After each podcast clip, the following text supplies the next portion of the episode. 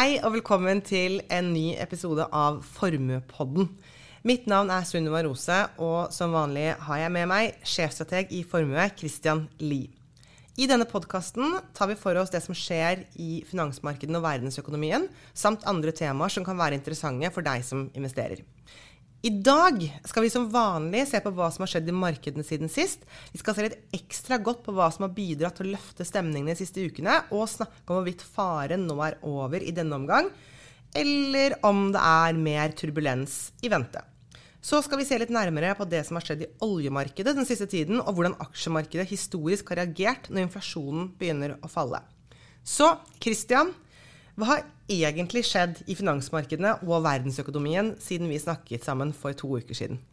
Heldigvis så kan vi komme med litt eh, gode nyheter som jeg vil tro veldig mange har fått med seg. At stemningen i markedene har vært eh, betydelig bedre eh, gjennom de tre siste ukene generelt, men kanskje den, altså forrige uke spesielt. Og i løpet av én uke så steg verdien av det globale aksjemarkedet over 7% Vi hadde over 6% i USA. Og hvis vi nå ser tilbake de siste tre ukene, så har Oslo Børs faktisk steget eh, over 9 Oi, hvor, hvor, mye er det sånn sammenlignet med altså normalen eller gjennomsnitt? Eller, altså 9% Det høres mye ut. ja, det er jo veldig mye. fordi hvis man ser tilbake til 1983 f.eks., da når hovedindeksen på Oslo, ble, Oslo Børs ble etablert, så har vel Oslo Børs i gjennomsnitt gitt en 10-11% avkastning per år. Mm. Eh, så når du da får 9 eh, på tre uker, Oi. så sier jo det om eh, hvorfor interessen for å investere i aksjemarkedet er så stor. Fordi man har mulighet til å få veldig høy avkastning i løpet av kort tid. Ja. Men dette reflekterer også Eh, de kursfallene som vi har hatt da de siste månedene, mm. hvor markedene har vært veldig vanskelige, og når det da får en, en liten sånn bedring i stemningen, så kan jo ting gå veldig fort eh, oppover igjen. Ja. Men hvis vi prøver å se litt på eh, hva annet som har skjedd, så har det da vært som nevnt veldig sterk eh, børsoppgang. Og vi har også hatt en bedring i obligasjonsmarkedene, som vi har snakket litt om tidligere. Fordi tidligere så har jo obligasjoner og renteplasseringer eh, hatt det ganske tøft fordi markedsrentene har steget mye. Og i tillegg så har disse risikopåslagene, som vi også har snakket om Så går det an å spole, spole, tilbake til det hvis man vil ha en forklaring. Eh, steget. Og det førte da til eh, dårlig avkastning. Men det som da har skjedd eh, nå nylig, det er at eh, disse markedsrentene har falt litt tilbake. Kommer litt tilbake til tematikken. Eh, Senere i denne episoden. Yes. Ja. Og risikopåslagene Eh, har også falt litt tilbake.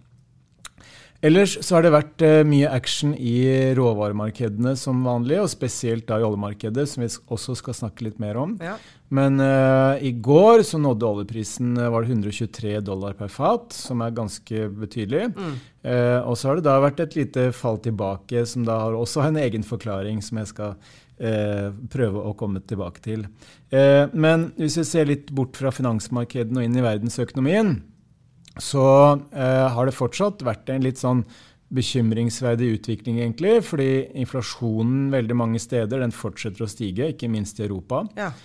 Og i tillegg så ser vi at eh, veksten, eh, den økonomiske aktiviteten i verden, den er også litt sånn på hell. Men inflasjonen stiger den liksom ca. like mye i Europa, eller er det noen, uh, antar det noen områder det er mer enn andre? Hvordan er det? Jo, det er, det er forskjeller, eh, men gjennomgående så har vi et inflasjonsproblem i veldig mange økonomier i, i verden, ja. eh, også Europa. Så hvis vi tar et par eksempler, så har vi inflasjon f.eks. i Spania og i Tyskland som nærmer seg 9 eh, og, og det er ganske heftig og et markant brudd fra det vi har sett uh, i årene uh, etter finanskrisen, ikke minst, hvor inflasjonen har vært uh, veldig, veldig lav. Mm. I tillegg så har vi da hatt, som nevnt, vekstforventninger og, og veksttall som vitner om at verdensøkonomien har litt problemer i øyeblikket. Litt sånn Uh, marsjfartproblematikk, hvor ting rett og slett går litt eh, saktere. Og det er jo flere ting som er med på å påvirke dette her.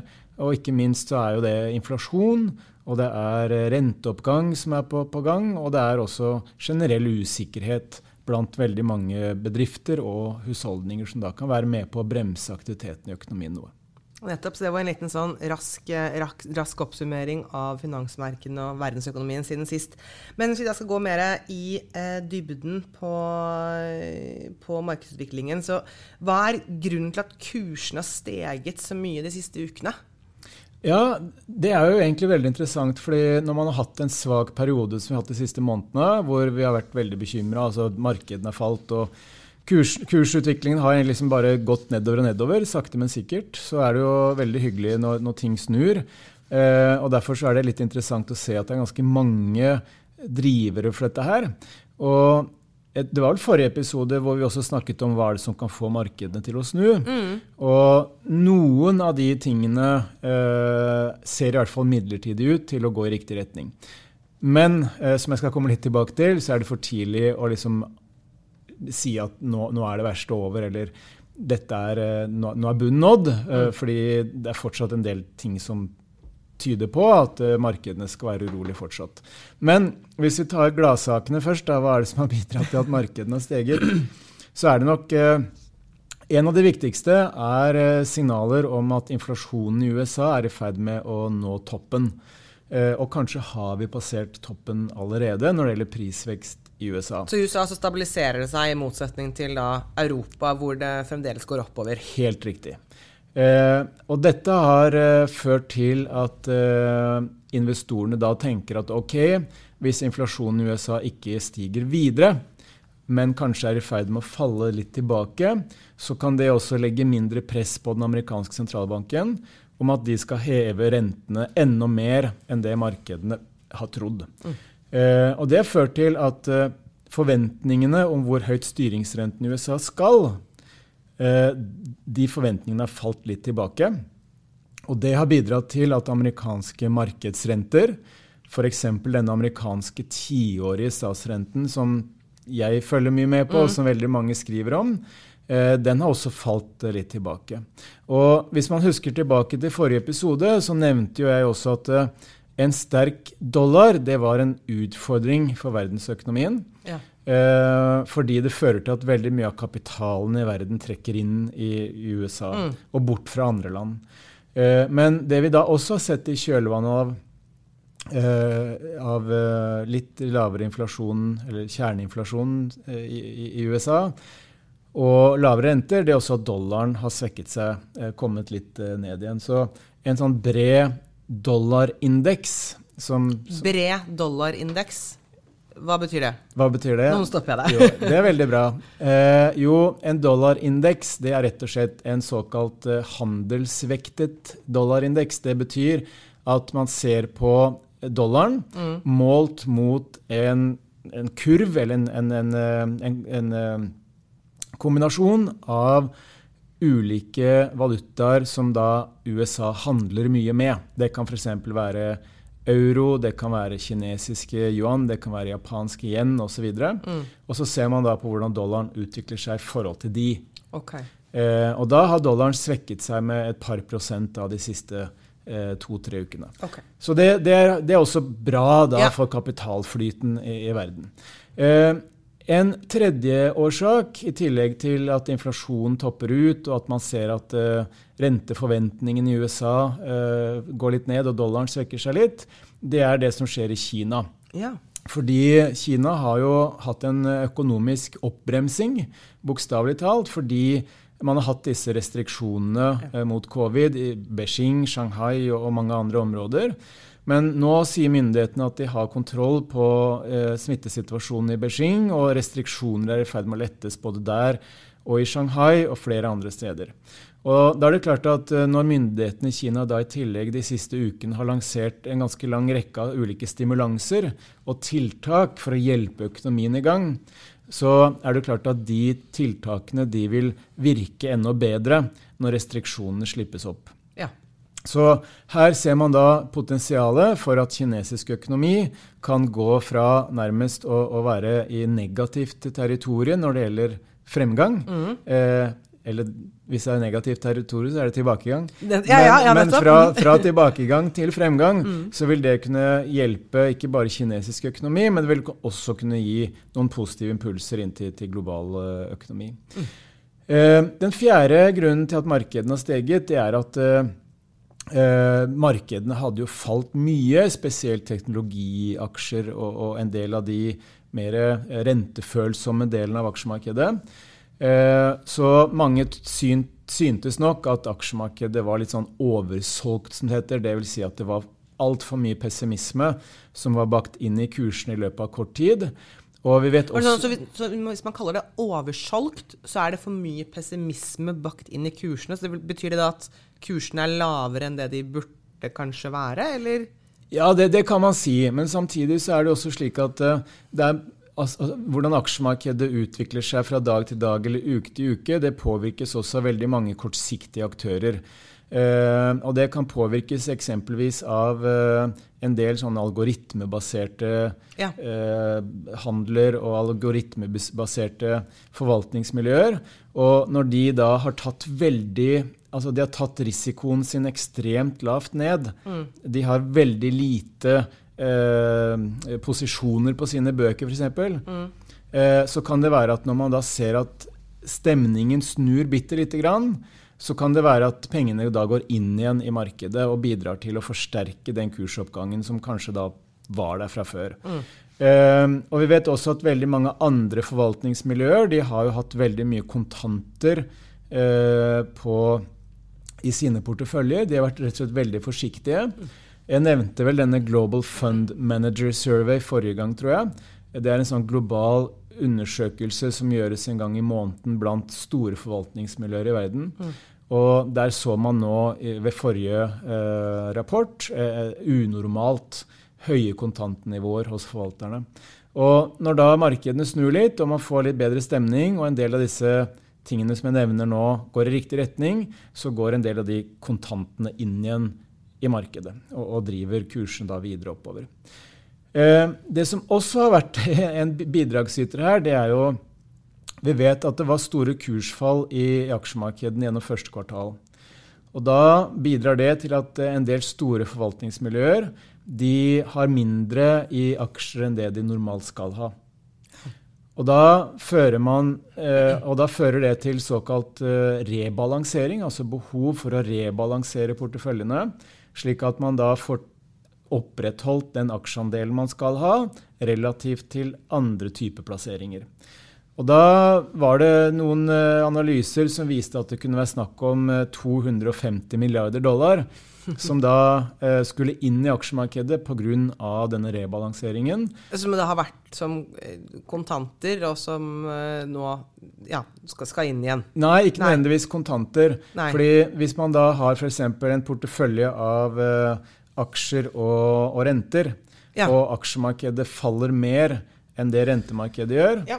og man da i utgangspunktet kanskje skal ha 50% aksjer og 50 renter, mm så hvis du da får et større fall i aksjemarkedet enn det gjør i rentemarkedet, mm. så vil jo andelen i aksjer ikke lenger være 50 Nei. den vil være mindre. Mm. Og da vil man da rebalansere opp til 50 igjen. Ah. Og da må man kanskje selge noe av det som har gått eh, bra, mm. eh, og kjøpe noe av det som har gått dårlig. Nettopp. Og da går det penger inn igjen i aksjemarkedet. Skjønner.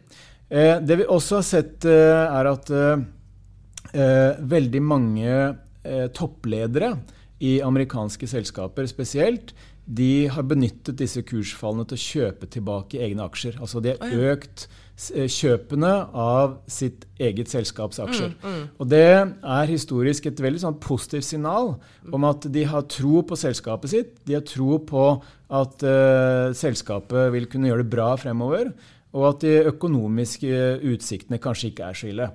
Så dette har også vært med på å liksom, gi et sånn bra bilde av at ting kanskje ikke er så ille i, i amerikansk næringsliv som det markedene da hadde priset inn. Nettopp. Så det er egentlig de viktigste driverne for det vi har sett uh, har vært en ganske kraftig kursoppgang de siste ukene. Nettopp. Så det er liksom ja, svaret på hva er grunnen til at kursene har steget så mye de siste ukene, det var de tingene der. Så ja. da går vi til oljemarkedet.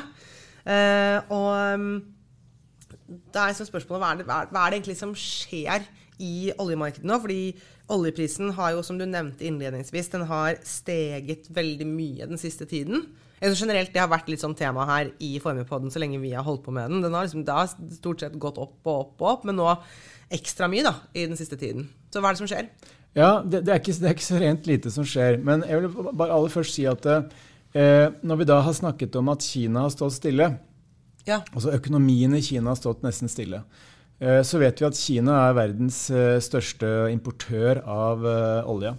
Og normalt da, når Kina står stille, så skal jo det føre til at oljeprisen faller. I tillegg, ja, for da er det jo plutselig mer olje tilgjengelig i mark... Eller, ja, ja, Kina kjøper mindre olje, ja. etterspørselen faller. Da skal alt annet likt oljeprisen falle. Riktig, ja. Eh, I tillegg så har vi hatt en veldig sterk dollar, som vi også snakket om. Mm. Og fordi olje handles i dollar, så betyr det at en sterk dollar normalt sett vil gjøre olje dyrere for andre land som da ikke har dollar som hjemmevaluta. Mm. Og Likevel, til tross for Kina-brems og sterk dollar, så har også oljeprisen bare steget. Og Det har jo vært et uh, lite sånn uh, spørsmålstegn for mange. Hvorfor i all verden stiger oljeprisen når alt tilsier at den ikke skal stige? Og Det kan være flere årsaker. Men for det første så må vi ha i bakhodet at uh, vi har et veldig stramt oljemarked. Dvs. Si at vi har veldig lave lagernivåer, både av det vi kaller ferdigprodukter, som bensin og diesel og sånne ting, men også av eh, råolje. Og når du da ser at Kina stopper opp, og man får en liten sånn pause, kall det, i den høye etterspørselsutviklingen uh, som er, så benytter veldig mange aktører muligheten til å rett og slett hamstre olje. Oh. Så uh, Goldman Sachs uh, eksempelvis, et sånt stort amerikansk analysehus, eh, de er globale for så vidt, veldig godt kjent, de var ute med en analyse i går hvor de peker på at hamstring kan være årsaken til at oljeprisen har steget så mye, selv om Kina har stoppet opp. Men når man da hamstrer olje eh, i et marked som er veldig stramt, og hvor det er veldig lave lagernivåer i utgangspunktet, så forsterker jo det egentlig en del av de ubalansene eh, som kan påvirke oljemarkedet frem i tid. Men eh, i tillegg til eh, stramme lagernivåer og, og, stigende oljepriser, så har det også skjedd en del andre ting. For det første så har jo EU nå blitt enige eh, med seg selv om å stanse importen av olje fra Russland som, via, som fraktes via sjøveien. Mm. Eh, for å eh, tilfredsstille Ungarn, Ungarn sine ønsker, så vil det fortsatt være mulig for Ungarn eksempelvis å få tilgang til olje fra landbaserte rørledninger fra Russland. Men, okay, men, så da, men, så man kutter litt der på det som går fra Russland, så sånn sett blir det da mindre oljemarkedet hvis man på en måte utelukker ja. Det gjør det. Mm. Eh, så det man antar, er at hvis alle landene i EU eh, si, eh, følger nye, eh, disse tiltakene, at man ikke skal importere olje fra Russland som er fraktet via sjøveien, så antas det at oljeimporten fra Russland til EU vil bli 90% mindre i løpet av det neste året enn det det har vært. Og det er klart at Dette kan få ganske store konsekvenser for oljemarkedene. Når nyheten kom, så var det tydelig at dette var til dels priset inn og forventet. Oljeprisen steg bare et par eh, dollar eh, på, på, på, på informasjonen som kom. Men det er klart at dette kan få ganske store konsekvenser på sikt. fordi det vi vet, er jo at eh, hvis EU skal importere mindre olje fra Russland, så må de finne oljen fra andre steder. Og I tillegg så vil jo dette føre til at en del raffinerier, altså de som da omgjør råolje til produkter som kan brukes til drivstoff, mm. f.eks. diesel eh, og, og, bensin osv., eh, de vil da få langt større problemer med å få tilgang til råolje. Mm. Og Det kan føre til at eh, drivstoffprisene eh, ikke bare kan stige videre, men også at det faktisk kan bli mangel på eksempelvis diesel i, i, i Europa. Så ja. dette kan få ganske store konsekvenser og vil alt annet likt kunne føre til at uh, oljeprisene og bensinpriser osv. de kan fortsette å stige, dessverre. Men så har det da også kommet en annen nyhet her inn fra sidelinjen. Og det er at OPEC, altså eh, dette oljekartellet med, med, med, mange land i Midtøsten som, som viktigste medlemmer, eh, de har da sagt at de vurderer å ta bort Russland fra dette oljekuttsamarbeidet som de har hatt. Og det kan føre til at eh, OPEC sin oljeproduksjon kan øke for å kompensere for det. Altså i Midtøsten?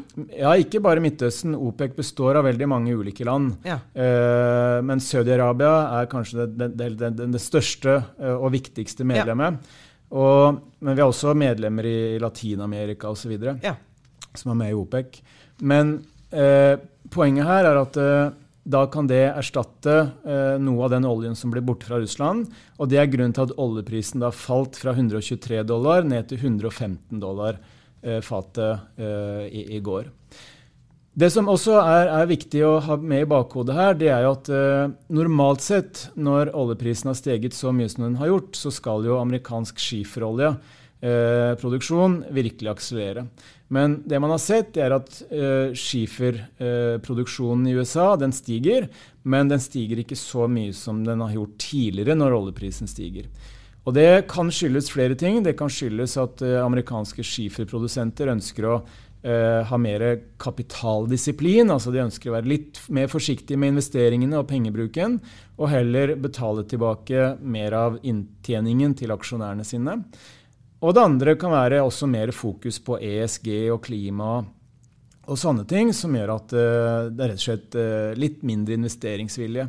Uh, en tredje faktor er jo at også for amerikanske skiferoljeprodusenter så har kostnadene på innsatsfaktorer, både på mannskap, men også på materiell og, og energi og sånne ting, som da trengs til drilling, også steget. Så det er rett og slett blitt litt dyrere å drive den aktiviteten.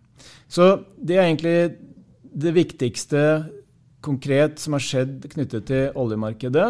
Men det er mange ting som tyder på at fordi oljemarkedet er så stramt, og det fortsatt er vekst i verdensøkonomien, etterspørselen etter, et, etter energi stiger, så vil enda høyere oljepris, dersom det realiseres, kunne også bli et problem for økonomien ellers og for finansmarkedene. Fordi hvis oljeprisen og råvareprisene fortsetter å stige, så vil det kunne forlenge den, høye, den perioden med høy inflasjon som vi har. Fordi energipriser, oljepriser, de påvirker konsumprisene i veldig stor grad. Mm. Så den Kall det belastningen som husholdninger og bedrifter får fra høy inflasjon, drevet bl.a. av høyere energipriser, den kan tynge eh, både lønnsomhet, men også forbrukskapasitet hos husholdningene hvis oljeprisen fortsetter å stige. Ja. Men Norge tjener på det? Ja, eh, Norge tjener jo bra på dette her. Eh, og mange norske oljeselskaper tjener veldig bra mm. eh, på, på, dette her. Men det er klart at for norske husholdninger så kan man jo merke dette på drivstoffpriser. Ja. Eh, og hvis det er slik at inflasjonen i Europa, inflasjonen i USA, energiprisene fortsetter å stige, så vil også det kunne føre til høyere inflasjon her hjemme. Og det vil da kunne føre til at Norges Bank må heve boliger, eller rentene, som mm. da kan føre til at bankene må heve boliglånsrentene. Så også norske husholdninger kan bli skviset etter hvert av, mm. av det her i enda ja. større grad enn ja. en det vi allerede er. Enn det vi allerede er, ja. Uh, yes, det var olje. Uh, men uh, journalistene de er jo veldig opptatt av å spørre liksom, om, om, bunnen nå er nådd, og markedene skal videre oppover igjen. Jeg tenker jo på en måte bare i min, min enkelhet at man kan jo aldri vite om bunnen er nådd. Bunnen kan vel, Man kan vel alltid gå lenger nedover, men, men jeg lar heller deg svare på, på det. er bunnen nådd? Skal markedet videre opp, oppover igjen nå? Jeg tror, eh, jeg tror, det er litt eh, Men det er helt riktig som du sier. Altså det, er, det, er umulig å vite om, om, eh, bunnen er nådd. Og det reflekterer jo litt tilbake på det vi har snakket mye om i Formuepodden, at det å time markedene, det er umulig. Altså, mm. jeg har jobbet med det her i ganske mange år. Og, og følge markedene hvert, hver, hver, time og, og, hver dag. Mm. Og det er klart at se, selv jeg og andre som sitter med samme ansvarsoppgave, vi klarer ikke å spå hvor markedene skal. Eh, men, Nei, da hadde, da hadde, du vel vært den rikeste i, i, verden, og det det er du vel ikke? Christian? Nei, definitivt ikke. Eh, og da hadde jeg nok uh, sittet på en uh, yacht i Bahamas eller et eller annet sånt noe. Eh, men altså, ut ifra det jeg klarer å lese da, skjer i, i, verden i øyeblikket, så tror jeg det er litt for tidlig å si at bunnen er nådd for finansmarkedene i denne omgang. Mm. og litt av grunnen til det er at en, en del av de positive driverne som vi har snakket om, mm. de kan være midlertidige, og eller så har de en liten ulempe ved seg. Og et eksempel på det det er jo den, eh, den eh, gode utviklingen som vi ser i Kina, hvor restriksjoner slippes opp og ja. Eh, økonomien kan komme i gang igjen. det lover godt, da. Det lover godt ja. for økonomien. Men det er klart at når Kina da går fra bråbrems til å få hjulene i gang igjen, hva skjer da med etterspørselen etter, etter, energi og etter råvarer? Jo, den vil, øker. Den vil, den vil, da øke, ikke sant. Og i et råvaremarked og energi- og oljemarked som allerede er ganske stramt, så vil jo høy, høyere aktivitet i kinesisk økonomi kunne gjøre etterspørsel etterspørselen enda større, mm. og kanskje føre til enda høyere prisoppgang, som igjen da vil kunne forsterke inflasjonsimpulsen. Mm. Så det er veldig mye av det bra som skjer, som også har en bakside i, i øyeblikket. Men jeg vil peke på de to viktigste årsakene da, til at eh, markedene kanskje kommer til å være vanskelig også en periode til. Det er jo at vi har samtidig en vekstutvikling i verdensøkonomien som fortsatt er på vei ned. Og hvis vi ser på de økonomiske nøkkeltallene som vi får servert, mm. hvordan er de tallene i forhold til det analytikerne har forventet, så ser vi nå at eh, tallene gjennomgående er skuffende. Eh, spesielt i USA, men i større, stadig større grad også i Europa. Og de har jo vært skuffende i Kina lenge. Så når de økonomiske nøkkeltallene da blir dårligere enn det analytikerne forventer, så har det historisk også hatt en liten sånn negativ påvirkning på stemningen i, i finansmarkedene. Mm. Så svakere vekstutsikter for verdensøkonomien det er én årsak til at uh, markedene kanskje uh, er litt tidlig ute med å feire. Og den andre det handler om inflasjon som vi har snakket mye om. Og hvis vi også der ser på hvordan inflasjonen er i forhold til hva analytikerne forventet, og hva kall det markedet har forventet, så fortsetter inflasjonen å overraske på oppsiden. Det vil si at inflasjonstallene som kommer, de tenderer nå til fortsatt å være høyere enn det man tror, eller det man har forventet. Mm. Ikke minst i eurosonen og Europa, men også i USA fortsatt. Mm. Så de to tingene er kanskje de viktigste argumentene for hvorfor markedene kan forbli vanskelige fremover. Mm. En annen ting vi også skal ha i bakhodet, det er jo at vi står foran en ganske betydelig bølge av pengepolitiske innstramminger. Og det er jo da sentralbankene som pga. denne høye inflasjonen er nødt til å heve styringsrentene. Og selv i eurosonen, som da ikke har hatt en renteøkning på er det ti år, eller noe sånt nå, så forventes det nå, pga. denne høye inflasjonen, at vi vil få den første renteøkningen i juli. I USA så har jo sentralbanken kommet i gang med renteøkningene. Eh, de har hevet, eh, hevet eh, renten allerede og forventes også å fortsette å gjøre det utover i året og gjennom 2023 også. Men en annen sak som også den amerikanske sentralbanken begynner med i dag, 1.6, det er en reversering av denne pengetrykkingsgreien som de har holdt på med nå eh, ganske lenge. Eh, såkalte kvantitative lettelser er i ferd med å bli til kvantitative innstramminger. Vi har snakket om dette litt før. Ja da, det har vi, men, eh, men jeg tror kan bare superraskt si eh, hvordan dette ja, var. Jeg skal, jeg skal veldig kort si hva det er. Fordi når man har kvantitative lettelser, så betyr det at sentralbanken lager nye penger mm. som de bruker for å ja, holde rentene lave, i prinsippet. Ja. De kjøper amerikanske statsobligasjoner og boliglånsobligasjoner og sånne ting som da er ment å holde rentenivået lavt. Men når du da har høy inflasjon og amerikansk økonomi er såpass sterk, så trenger, trenger ikke økonomien og finansmarkedene de tiltakene lenger. Og da eh, går den prosessen i revers. Ja. Og Det betyr i prinsippet at likviditet som tidligere da ble tilført økonomien, den likviditeten nå, kommer, kommer, til å bli trukket tilbake. Og alt annet likt så kan det føre til at det blir urolige rentemarkeder.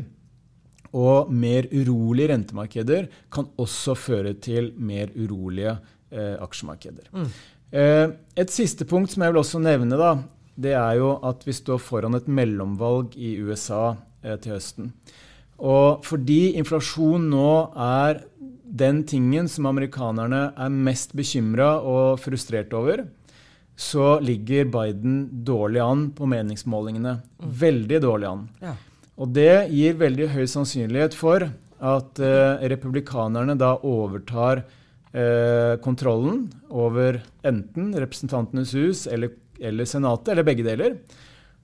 Og hvis det skjer, så er det god grunn til å tro at de vil ønske å redusere det amerikanske budsjettunderskuddet. Og det betyr en innstrammende finanspolitikk i USA i tillegg til en innstrammende pengepolitikk. Mm. Og det kan håper å si, eh, utfordre en per i dag relativt sterk eh, amerikansk økonomi eh, ytterligere. Nettopp. Eh, du har sagt eh, mye om eh, inflasjon. Det er alltid Inflasjon er, er, et, er et gjennomgangstema. Du har bl.a. nevnt nå at inflasjonen kanskje har toppet i USA. Hva kan det bety for utsikten i aksjemarkedet, hvis det er, hvis det er sånn det er? Ja, altså Ja, det, det, det, det, siste du sier der, er faktisk veldig relevant. Fordi det er noen som mener at ok, selv om de, de siste inflasjonstallene indikerer at uh, vi kanskje har nådd en topp, så er det også noen som peker på sannsynligheten for at uh, det, den toppen kan være midlertidig. Ja. Og at vi kan få skuffelser, kalle det, på inflasjonstallene i USA de kommende to-tre månedene. At mm. tallene faktisk kan fortsette å stige. Ja. Men, men, det vet vi ikke. Nei. Men det som er hypotesene her, det er jo hva skjer hvis inflasjonen topper? Og hvordan har det historisk påvirket aksjemarkedet? Det er jo det som er interessant. Fordi før eller siden så kommer inflasjonen til å toppe. Før eller siden. Før eller siden. Et, på et eller annet tidspunkt er det en topp. Ja. ja. Eh, og eh, Goldman Sachs de har sett på eh, hvordan aksjemarkedet har respondert på inflasjonstopper i USA siden 1950. Og de har da funnet tolv tilfeller hvor inflasjonen har toppet ganske tydelig. Og det som er interessant, det er at i gjennomsnitt så har da SMP 500-indeksen, altså det amerikanske aksjemarkedet, steget eh, både tre, seks og tolv måneder etter at inflasjonstoppen er nådd. Men det er alltid da viktig å hensynta at eh, gjennomsnittstall eh, de lyver jo litt. Fordi bak gjennomsnittstall så skjuler det seg også ganske store forskjeller. Ja, selvfølgelig. Eh, og Det betyr at i enkelte av disse tilfellene så har aksjemarkedet fortsatt å falle, eh, selv om inflasjonen har toppet ut. Og Det er jo da knyttet til det faktum at aksjemarkedet trenger flere drivere enn bare lavere inflasjon og lavere renter. Fordi det man også da har sett historisk, det er jo at de gangene hvor inflasjonen topper ut, så tenderer også økonomien til å svekke seg de neste månedene. Og en måte man kan måle eh, den økonomiske utviklingen på i USA, det er å se på den såkalte ISM-indeksen. Institute of Supply Management, tror jeg det heter. Og Det er rett og slett en månedlig spørreundersøkelse blant innkjøpssjefer i industrien og som da har vist seg historisk å være en ganske god temperaturmåler på hvor den økonomiske aktiviteten er på vei. Og i gjennomsnitt da så har denne ISM-indeksen falt både tre, seks og tolv måneder etter at inflasjonen har toppet ut.